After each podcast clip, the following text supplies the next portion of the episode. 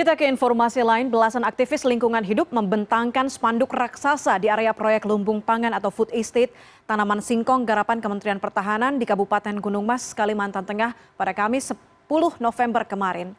Para aktivis lingkungan yang tergabung dalam sejumlah organisasi lingkungan hidup menganggap proyek yang menelan dana miliaran rupiah dari APBN ini gagal.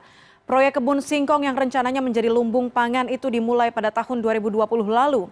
Namun aktivis dari Greenpeace, Wahana Lingkungan Hidup Indonesia atau WALHI serta Save Our Borneo mengatakan singkong yang sudah ditanam tidak sesuai dengan harapan. Selain ratusan hektar lahan menjadi tandus, hutan juga menjadi gundul.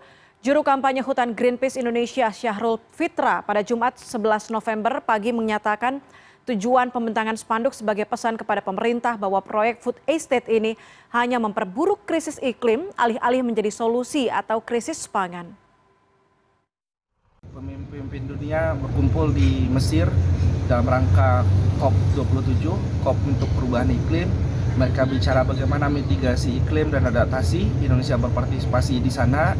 Kita ingin meminta bahwa negara-negara yang hadir di COP termasuk Indonesia berhentilah gitu untuk membuka hutan demi dengan narasi apa pun gitu ya untuk pangan sebagainya. Kita punya banyak solusi gitu mengatasi uh, ancaman krisis pangan tersebut tanpa harus merusak hutan. Ada contoh-contoh yang baik sebenarnya di Indonesia sistem pertanian dilakukan oleh masyarakat adat, ekologi, pertanian berbasis ekologi dan banyak lainnya yang sudah dilakukan oleh komunitas.